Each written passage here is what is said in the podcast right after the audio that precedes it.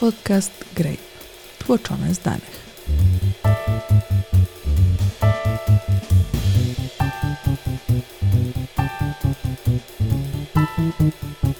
Pali się czerwone. Automatyzacja, robotyzacja, sztuczna inteligencja. Jak zmieniają rynek pracy? Czy grozi nam bezrobocie technologiczne, obniżka płac? Co ta rewolucja oznacza dla biznesu i całej gospodarki? O to wszystko zapytamy Lukasa van der Velde. Joanna Tyrowicz? I Marcin Bojanowski. Zaczynamy. Rewolucja już się dokonuje, a my jej tylko jeszcze nie zauważyliśmy? Powinniśmy pytać nie czy, ale kiedy w pracy zastąpi nas sztuczna inteligencja? To tylko kwestia czasu? Cześć, witam. Cześć Lukas. Nie chcę podać prostych odpowiedzi, bo mi się wydaje, że nie ma prostych odpowiedzi w tym, w tym tematem. I często te proste odpowiedzi są błędne, bo jest bardzo trudno powiedzieć, w jaki sposób dokładnie nowe technologie wpływają na rynku pracy. Z jednej strony, to tak, to zdecydowane są rzeczy, które kiedyś my robiliśmy ręcznie i już teraz takie zadanie nie wykonujemy.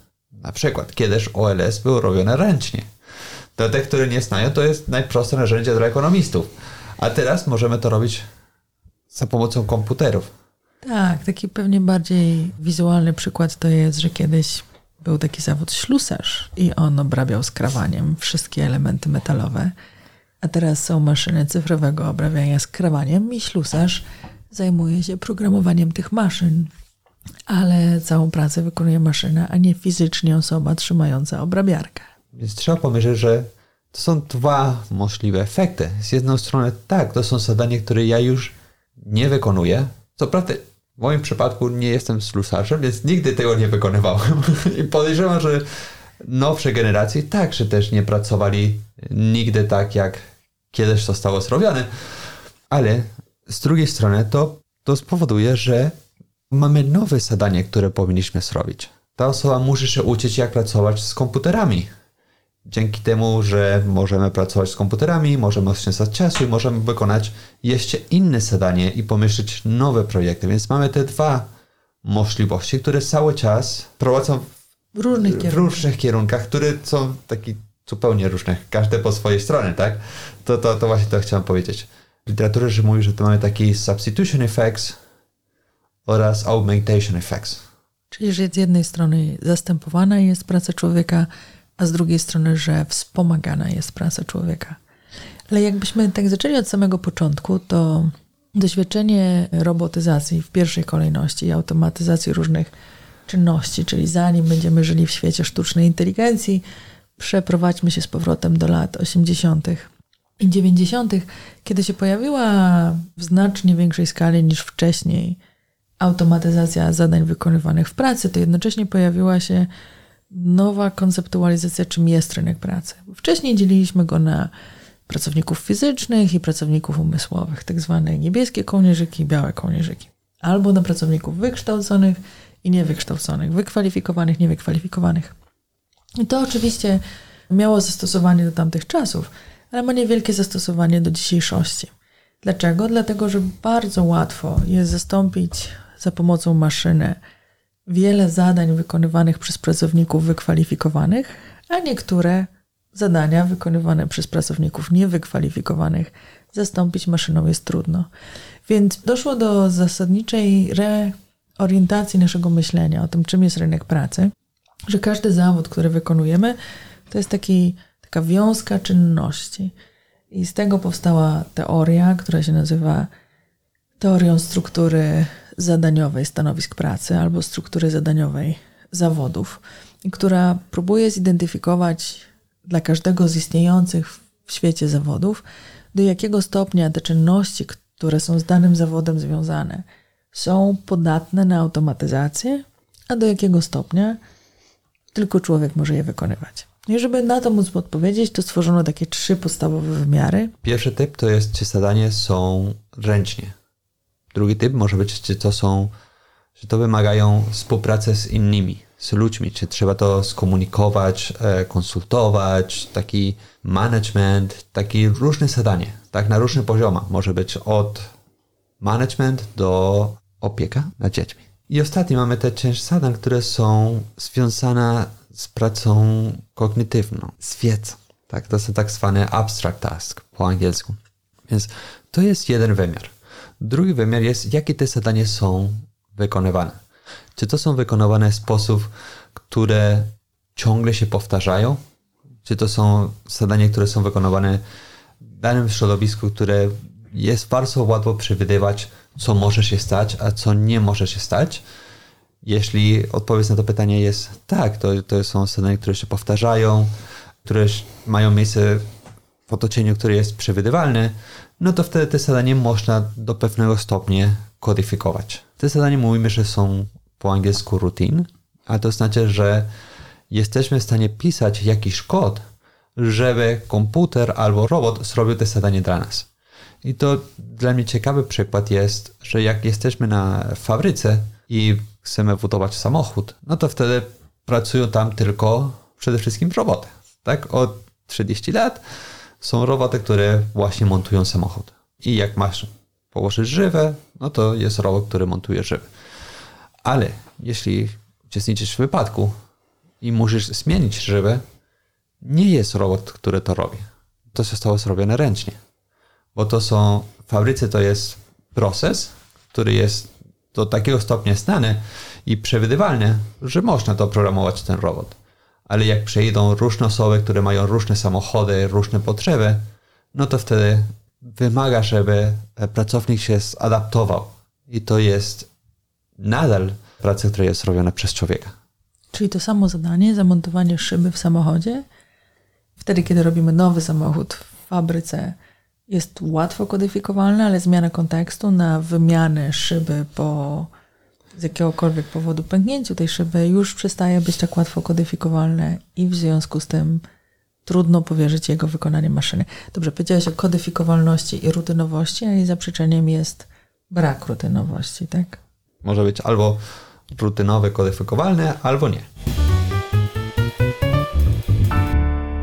Co się wydarzyło w świecie, że się tak wyrażę, od tam lat 70., kiedy pojawiło się coraz więcej maszyn na tych wymiarach, które nam opisałeś? To, co się zmieniło, jest to, że te zawody, które zawierali wtedy więcej tych zadań, które było kodyfikowalne, zmniejszyło się. Czyli liczba osób, które wykonują tych zawód jest mniejsza i nie tylko to, ale zarabiają jeszcze mniej niż kiedyś. Te zawody, i to jest istotne. To niekoniecznie jest związane z poziomem kwalifikacji pracowników. Dokładnie. nie są koniecznie związane z poziomem wykształcenia, wykwalifikowania pracowników. Raczej to, to są across the board. Czyli pojawiają się na wszystkich poziomach wykształcenia i też chyba nie są związane bezpośrednio z poziomem wynagrodzeń, prawda? To znaczy w największym stopniu ta kodyfikowalność występowała dla tak zwanych dochodów na poziomie średnim, czy w okolicach średniej. Tak, w okolicach średnich. Czyli ci, którzy są więcej zarabiali, byli w stanie bardziej zyskać z transformacji rynku pracy, dlatego że zadanie, które wykonywali, były niekodyfikowalne i było bardziej wymagane teraz, jak to wszystko się zmieniło. A po drugiej stronie, taki równowagę ogólne efekty spowodują, że też potrzebujemy więcej tych obsługi, które są wykonywane i które nie wymagają specjalnej umiejętności. Taki prosty przykład, który dla nas jest, y, Dobrze. co jest proste dla człowieka, a co jest trudne dla maszyny. Każdy wstaje rano, szykuje jakieś śniadanie i chce posmarować chleb masłem. To nie jest zadanie, które dla nas jako ludzi wydaje się być wymagające albo trzeba pójść na studia, żeby się nauczyć, jak to robić. Ale każdego dnia chlebek będzie troszkę inny, masełko będzie miało troszkę inną twardość, troszeczkę inaczej nam się będzie nóż prowadził po tym chlebie i jakoś ogarniamy. Teraz spróbujmy przekazać komputerowi, maszynie, robotowi wszystkie te koordynaty, żeby on był w stanie dopasować właściwą siłę naciskania na nóż, żeby nie porwać tego chleba, nie rozpaćkać tego masła i dostarczyć nam dobrze posmarowaną kromkę. To oczywiście jest przykład być może nieco taki prześmiewczy, ale chodzi o to, że w miarę jak coraz więcej zadań umiemy powierzać maszynom, to też coraz łatwiej widzimy zadania, czy silniej dostrzegamy zadania, których nie jesteśmy w stanie na dzisiaj w każdym razie powierzyć maszynom. A w miarę jak maszyny stają się coraz tańsze, w kategoriach względnych, praca ludzka staje się coraz droższa. I stąd ten efekt, o którym mówił Lukas, czyli że wzrosły wynagrodzenia osób, których praca jest wzmacniana maszynami, a nie zagrożona przez maszyny, po obu stronach rozkładu, czyli i osób o bardzo wysokich kwalifikacjach, i osób, których kwalifikacje, przynajmniej formalne, nie musiały być tak wysokie. To oczywiście jest zmienne, płynne, cały czas się zmienia. Przez kilka lat podawaliśmy jako przykład zawodu nie wymagającego bardzo wielu wysokich kwalifikacji, którego jednocześnie nie umie zrobić maszyna, że to jest kładzenie kafelków. Znów dokładnie te same umiejętności mają znaczenie. Trzeba pracować rękami. Tak, albo prowadzenie samochodów. No, prowadzenie samochodów dla mnie jest czynnością wymagającą wysokich kwalifikacji, ale kładzenie kafelków e, wydawało się czynnością niemożliwą do skodyfikowania, między innymi dlatego, że cały czas trzeba było dopasowywać siłę nacisku na kafelek, kiedy się już położy klej. Ta czynność już została w pełni skodyfikowana, po prostu zmieniono technologię kładzenia kleju i zatem również kładzenia kafelków. W związku z tym na dzisiaj są w stanie te czynności, przynajmniej na dużych powierzchniach, wykonywać maszyny, ale w małych przestrzeniach cały czas konieczna jest kombinowanie i fizyczna praca człowieka. Tak, także praca w magazynów. Teraz wygląda zupełnie inaczej od tego, co było wcześniej. To jest dlatego, że zmieniło się środowisko, w którym mają miejsce te zadanie, żeby dopasować to do tego, co maszyny są w stanie zrobić. Co te procesy, o których opowiadacie, oznaczają dla biznesu? Czy zmiany dotkną tylko niektóre branże, czy całe sektory gospodarki? Firmy, których nie będzie stać na inwestycje w nowe technologie, znikną? Mają do wyboru dwie strategie, tak naprawdę. Znaczy, jedna to jest zamknąć się, jak nie będą w stanie rozwiązać problemu z dostępem do inwestycji, ale druga to jest tworzyć swoją wyjątkowość na bazie tego, że czynności nadal wykonują ludzie, a nie maszyny. I widzieliśmy to już w szwalnictwie, wydaje mi się, w produkcji odzieży i obuwia szerzej, że w miarę jak zautomatyzowany i umasowiony został proces produkcji odzieży i obuwia, cały czas dobrze radzą sobie te pojedyncze zakłady i firmy, które stawiają na tak zwaną ręczną robotę, wyjątkowość, niepowtarzalność wytwarzanych ubrań i obuwia, więc pewnie strategii jest więcej niż jedna. Ale w kategoriach masowych nie da się zatrzymać tej zmiany. Ta cała teoria skupia się na to, co ludzie robią i to, co ludzie robią w swoich pracach. Różna rzecz jest, kiedy patrzymy na firmy, które wprowadzają nowe maszyny, które zmieniają proces, e, w który produkują różne rzeczy i jakie są efekty wprowadzenia tych nowych maszyn, tej nowej automatyzacji do tego, co produkują i, i także dla tych pracowników, które są bardziej czy mniej dotkniętych przez te zmiany. Na przykład, jeśli rozmawiamy o, o robotach, są różne badania, które zostały prowadzone w, w Europie i wyniki są niejednoznacznie. To bardzo zależy od kraju. Chyba najnowsze badanie w Niemczech pokazuje, że prawie nie ma efektów. Kiedy patrzymy na, na Francji, okazuje, że, że firmy, które kupują nowe maszyny, i nie, to nie tylko roboty, tak, to są różne maszyny, okazuje się, że, że wtedy zmniejsza się płac dla pracownicy produkcji, ale z drugiej strony wymagają nowe umiejętności, więc zwiększa się płac dla menedżerów i dla, dla tych, które zarządzają cały ten proces produkcyjny. Możemy też zobaczyć, że znowu we Francji notowano, że produkcja tych firm rosła, a produkcja w innych firm, które konkurują z tych malała.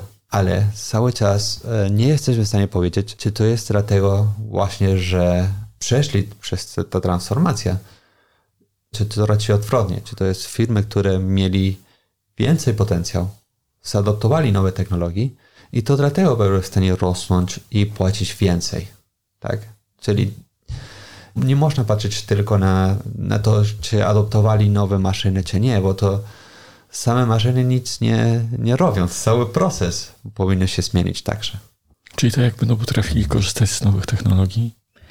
To są chyba dwie rzeczy, które trzeba rozpatrywać osobno. Jedna jest taka, że jest bardzo wiele czynności, które wykonują ludzie, które są dla nich niezdrowe, niebezpieczne, obciążające i powierzenie tych zadań do wykonywania maszynom poprawia naszą jakość życia.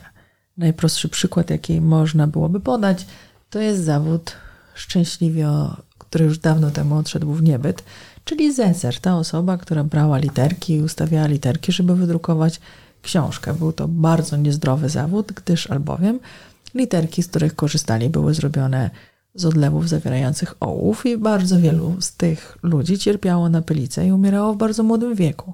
Powierzenie tego zadania maszynie jest w sposób oczywisty korzystne dla tych ludzi, gdyż albowiem nie umierają. Nawet jeśli by do końca życia mieli wykonywać inne, wymagające mniej kwalifikacji prace, przestali pracować w środowisku fizycznie im wrogim. Natomiast z drugiej strony, czy jakby na to nie spojrzeć, pytanie brzmi, czy jak wprowadzasz maszynę, która zastępuje pracę zecera, to jednocześnie przychodzisz z jakąś propozycją dla tych osób, propozycją, jakiego rodzaju nowe umiejętności mogą pozyskać i gdzie indziej tym zakładzie pracy mogą się odnaleźć, czy mówisz sayonara, to jest teraz taka maszyna, ona wykonuje waszą pracę, no sorry, winy tu, ale musicie coś ze sobą zrobić. I to jest wybór społeczny, to nie jest wybór technologiczny. I w tym sensie na przykład różnice pomiędzy wynikami, o których wspomniał Lukas, dla Niemiec a dla Francji, odzwierciedlają tak różnice w strukturze społecznej, jak i być może w kulturze zarządzania zmianą. Znaczy, tą zmianą można zarządzić tak, żeby ona była korzystna dla wielu, a być może dla wszystkich, tak, ja bym chciał dodać, że podobne wyniki zaobserwowano także w Danii i w Holandii, które mają podobny system. Tam właśnie chcieli badać, czy automatyzacja się różni od innych czynników, które powodują, że ludzie idą na bezrobocie. Na przykład, że firma w ogóle będzie zamknięta. Firma zbankrutuje. No to wtedy właśnie pokazywali, że jak firma bankrutuje, jest bardzo mocny spadek dochodów dla tych osób, które tam pracowali do samego końca. To jest taka grupa, która powiedzmy jest, cierpi samoselekcji, ale był ten spadek dochodów. Kiedy pracownik zostało zwolniony po tym, że zostało wprowadzone nowe technologie w firmie i technologie związane z automatyzacją, no to znowu był ten spadek zarobek, ale nie był aż tak mocny, jak kiedy firma bankrutuje. Nie tylko to, ale takie okresy zatrudnienia też były mniejsze i byli w stanie wrócić do poprzedniego poziomu szybciej niż w przypadku, kiedy firma bankrutuje. Czyli spadek dochodów osoby pomiędzy tym, kiedy pracowała i osiągała dochody z pracy, tym, kiedy była bezrobotna i albo osiągała tylko i wyłącznie dochody z zasiłku czy innej formy świadczeń społecznych, a kiedy była w stanie z powrotem znaleźć pracę. W przypadku bankructwa był bardziej długotrwały i głębszy, a w tak. przypadku tak. osób, które straciły pracę z powodu automatyzacji, był bardziej krótkotrwały i płytszy. Tak, jest znaleźli znowu pracę w miarę szybko i w podobnym stanowisku. A wiemy coś o tym, jak te procesy mogą przełożyć się na całą gospodarkę? Czy zamiast przyspieszyć rozwój gospodarczy, mogą go spowolnić? Czy spowodują wzrost nierówności? Jest bardzo dużo debat w tej chwili, których słucha się z zainteresowaniem o tym, czy tempo automatyzacji, którego doświadczamy, jest zbyt szybkie, a być może zbyt wolne. Zbyt szybkie, bo właśnie skazujemy zbyt wiele osób na szok w postaci likwidowania ich stanowisk pracy i co oni teraz ze sobą poczną, a zbyt wolne, bo mamy możliwość awansu technologicznego i poprawienia dobrostanu społeczeństwa jako takiego i nie realizujemy tych opcji. Prawdopodobnie nierówności rosły. To jest dlatego, że bardziej dotknięte przez zmianę technologiczną to były te zawody, które wykonywane przez pracownicy, którzy się znajdowali w środku rozkład wynagrodzeń. Skoro jest im mniej, jest więcej w każdej stronie, no to znaczy, że do pewnego stopnia rośnie polaryzacja w danym kraju. Bardzo ważne jest to, że to jest bardziej bardzo widoczne w Stanach Zjednoczonych. Było bardzo widoczne w latach 80., 90., 2000, ale w ostatnim okresie już trochę mniej. W Polsce badania pokazują, że ta zmiana nie była taka istotna jak w krajach rozwiniętych. Też są świetne badania Petra Lewandowskiego, które pokazują, że Polska cały czas korzysta jeszcze na braku automatyzacji. To znaczy, ponieważ cały czas zautomatyzowanie niektórych czynności jest zbyt drogie, to okazuje się, że praca w Europie Środkowej i Wschodniej jest wystarczająco tania, żeby być konkurencyjna z komputerami. W związku z tym bardzo wiele stanowisk stworzonych w tak zwanych BPO, czyli Business Process Outsourcing, czyli tak zwane centra usługowe, które powstały w Polsce, ale też w innych krajach regionu, powstały dlatego, że była potrzeba obniżenia kosztów funkcjonowania tych działów wobec wzrostu dochodów pracowników o wysokich kwalifikacjach w krajach rozwiniętych. Utrzymanie tych stanowisk tam było niemożliwe, a automatyzacja i komputeryzacja tych stanowisk była jeszcze cały czas zbyt droga. No to biznesowym rozwiązaniem tego problemu było przenieść te zadania do ludzi, ale w miejscach, gdzie praca ludzka jest tańsza. Dlatego w Polsce jeszcze tych efektów negatywnych przez jakiś czas nie zobaczymy. I patrząc dalej, bo wspomniałeś o tym, że jak to wpływa na wzrost gospodarki, to znowu nie jest to bardzo łatwo określić, jakie są te efekty. Ale przygotowując się na nasze spotkanie, czytałem jeszcze raz artykuł Acemoglu, nie wiem czy kojarzysz, Harms of the AI. To zostało opublikowane jakieś 2-3 lata temu, a on opisuje, że sztuczna inteligencja mogłaby spowodować różne nieefektywne skutki. Ja rozumiem, że to badanie, do którego nawiązuje Lukas e, Darona Oczemoglu, to jest taki mechanizm, że sztuczna inteligencja jest przez nas pisana tak, żeby najlepiej dopasowywać się do tego, co wie. A jeśli tak, to dopasowuje się do większości, czy do jakiejś wystarczająco dużej grupy a ta wystarczająco duża grupa może być niewystarczająco wymagająca.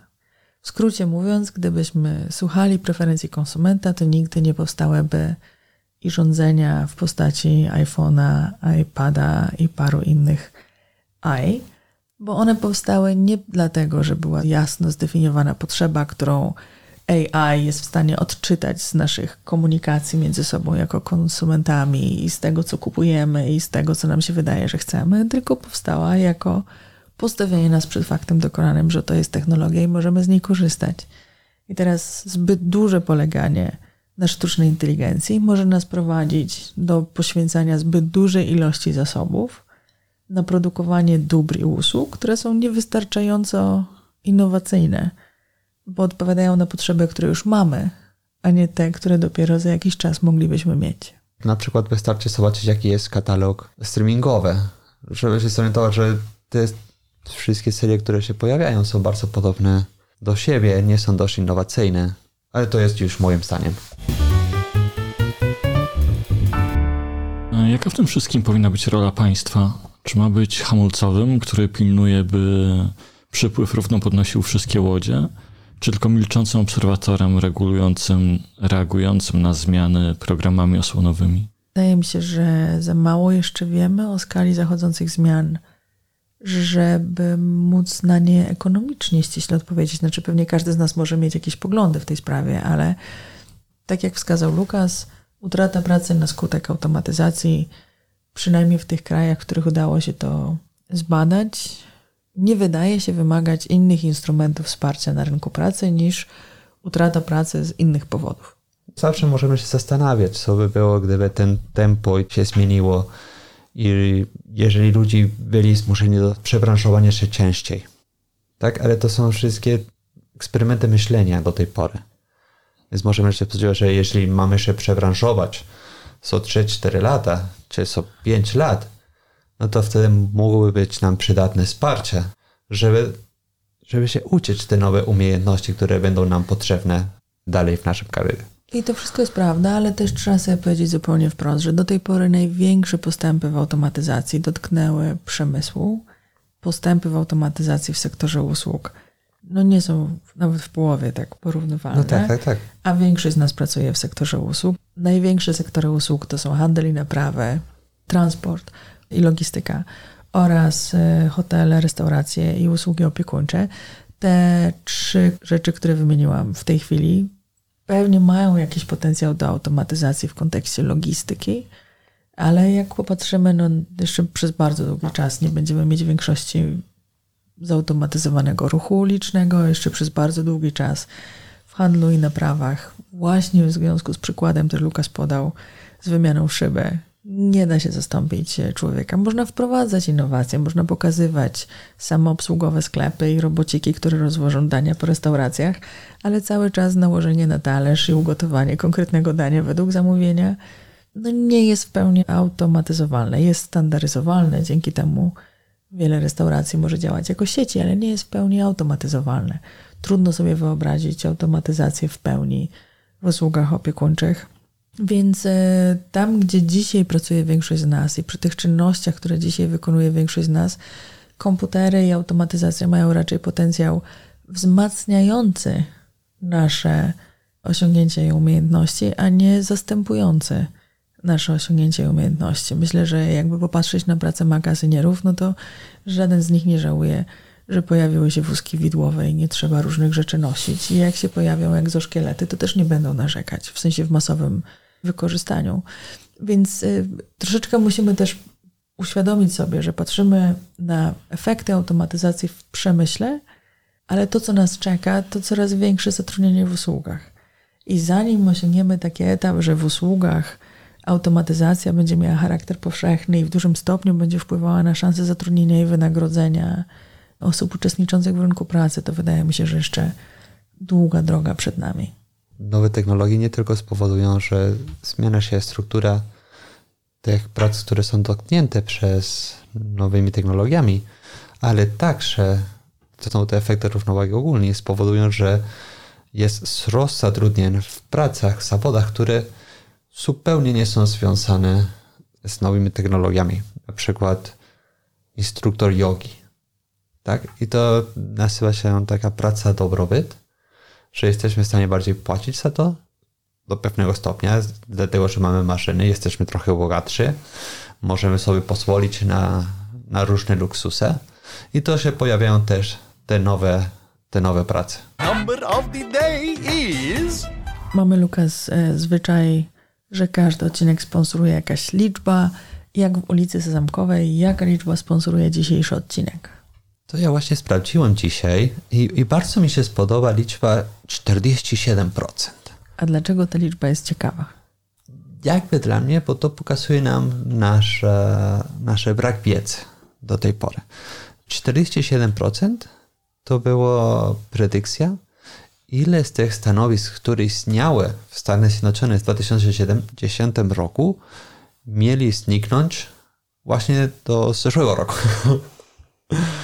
Wystarczy powiedzieć, że to się nie zrealizowało, więc e, mamy ten potencjał, który cały czas badamy, jak mówimy, że te zadania są rutynowe, że potencjalnie jesteśmy w stanie zautomatyzować, ale nie zostaje jeszcze do końca zrobiony. A to znaczy, to dla mnie to było ciekawe, bo Często możemy poczytać o tym, że są zagrożenia, że rynek pracy się kończy, że nie mamy innych opcji, a jednak nie jesteśmy jeszcze w stanie dokładnie i w sposób precyzowanie badać tego zjawiska. To jest trochę taka historia jak z nagłówkami w gazetach, że sztuczna inteligencja radzi sobie lepiej niż radiolodzy w identyfikowaniu, czy ktoś choruje na taką czy inną chorobę. Wszystko jest prawda, tylko tam jest takie jedno małe ale, ta sztuczna inteligencja poradziła sobie lepiej niż radiolodzy, bo miała więcej danych. W skrócie mówiąc, y, sztuczna inteligencja dostawała zdjęcia pacjentów oraz ich późniejszą chorobę medyczną. Radiolog, kiedy oceniał zdjęcia, Wiesz, nie wiedział, co się wydarzy w przyszłości. Mówi, że to jest nie fair porównywać radiolog, który był w stanie obserwować 300 zdjęć do maszyny, która obserwowała 300 tysięcy zdjęć. To też, ale bardziej chodzi mi o to, że ten radiolog oglądał tego pacjenta wtedy, kiedy było wykonane to zdjęcie, a nie kilka lat później. A maszyna dostawała, czy uczenie maszynowe, dostawało całą historię tego pacjenta, bo z czegoś się musiała nauczyć, czyli pacjenci później zostali zdiagnozowani na tak czy na nie. Więc rzeczywiście maszyny szybciej wykrywają różnego rodzaju nowotwory niż radiolodzy, bo dostali więcej wiedzy. Z tego można wyciągnąć dwa wnioski. Jeden jest taki, że trzeba zmienić sposób kształcenia radiologów. Być może oni też się będą w stanie nauczyć. Zobaczyliśmy coś nowego dzięki temu, że ktoś próbował, testował technologię sztucznej inteligencji. Drugi wniosek, który można wyciągnąć, to jest ten, który trafia na nagłówki. A radiolodzy nie będą nam potrzebni, bo sztuczna inteligencja jest lepsza. No, hello, sztuczna inteligencja mogła się nauczyć, jak rozpoznawać raka, tylko dlatego, że wcześniej wykonali tę pracę radiolodzy. I jak mówię, radzi No, sobie lepiej to, niż to, to, to, radiolodzy. to jest bardzo ciekawe, czy już dorzucono do Uniwersytetu Medycznego nowe przedmioty, machine learning i sieci neuronowe. Pewnie w wielu miejscach tak, w wielu miejscach nie, ale myślenie o tym w kategoriach zagrożenia siłą rzeczy nas paraliżuje, a myślenie o tym w kategoriach czego Szansy. możemy się z czego nauczyć, otwiera przed nami nowe możliwości i No w tak. tym sensie automatyzacji nie widzę jako zagrożenia.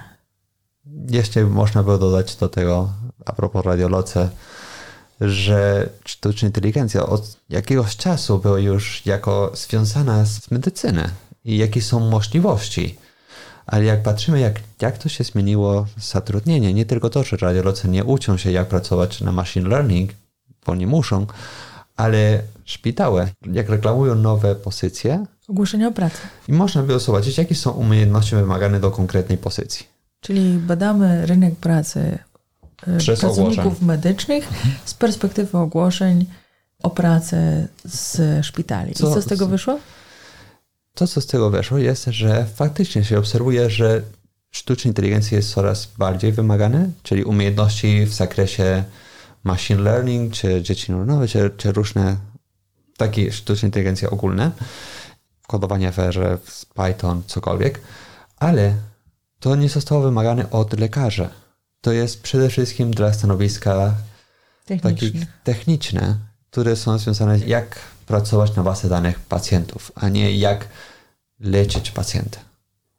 Czyli z jednej strony widzimy, że te umiejętności oczywiście stają się coraz bardziej przydatne, ale z drugiej strony nie zastępują pracy człowieka Tam, gdzie jest najważniejsze, tam, gdzie powiedzmy. jest najważniejsze.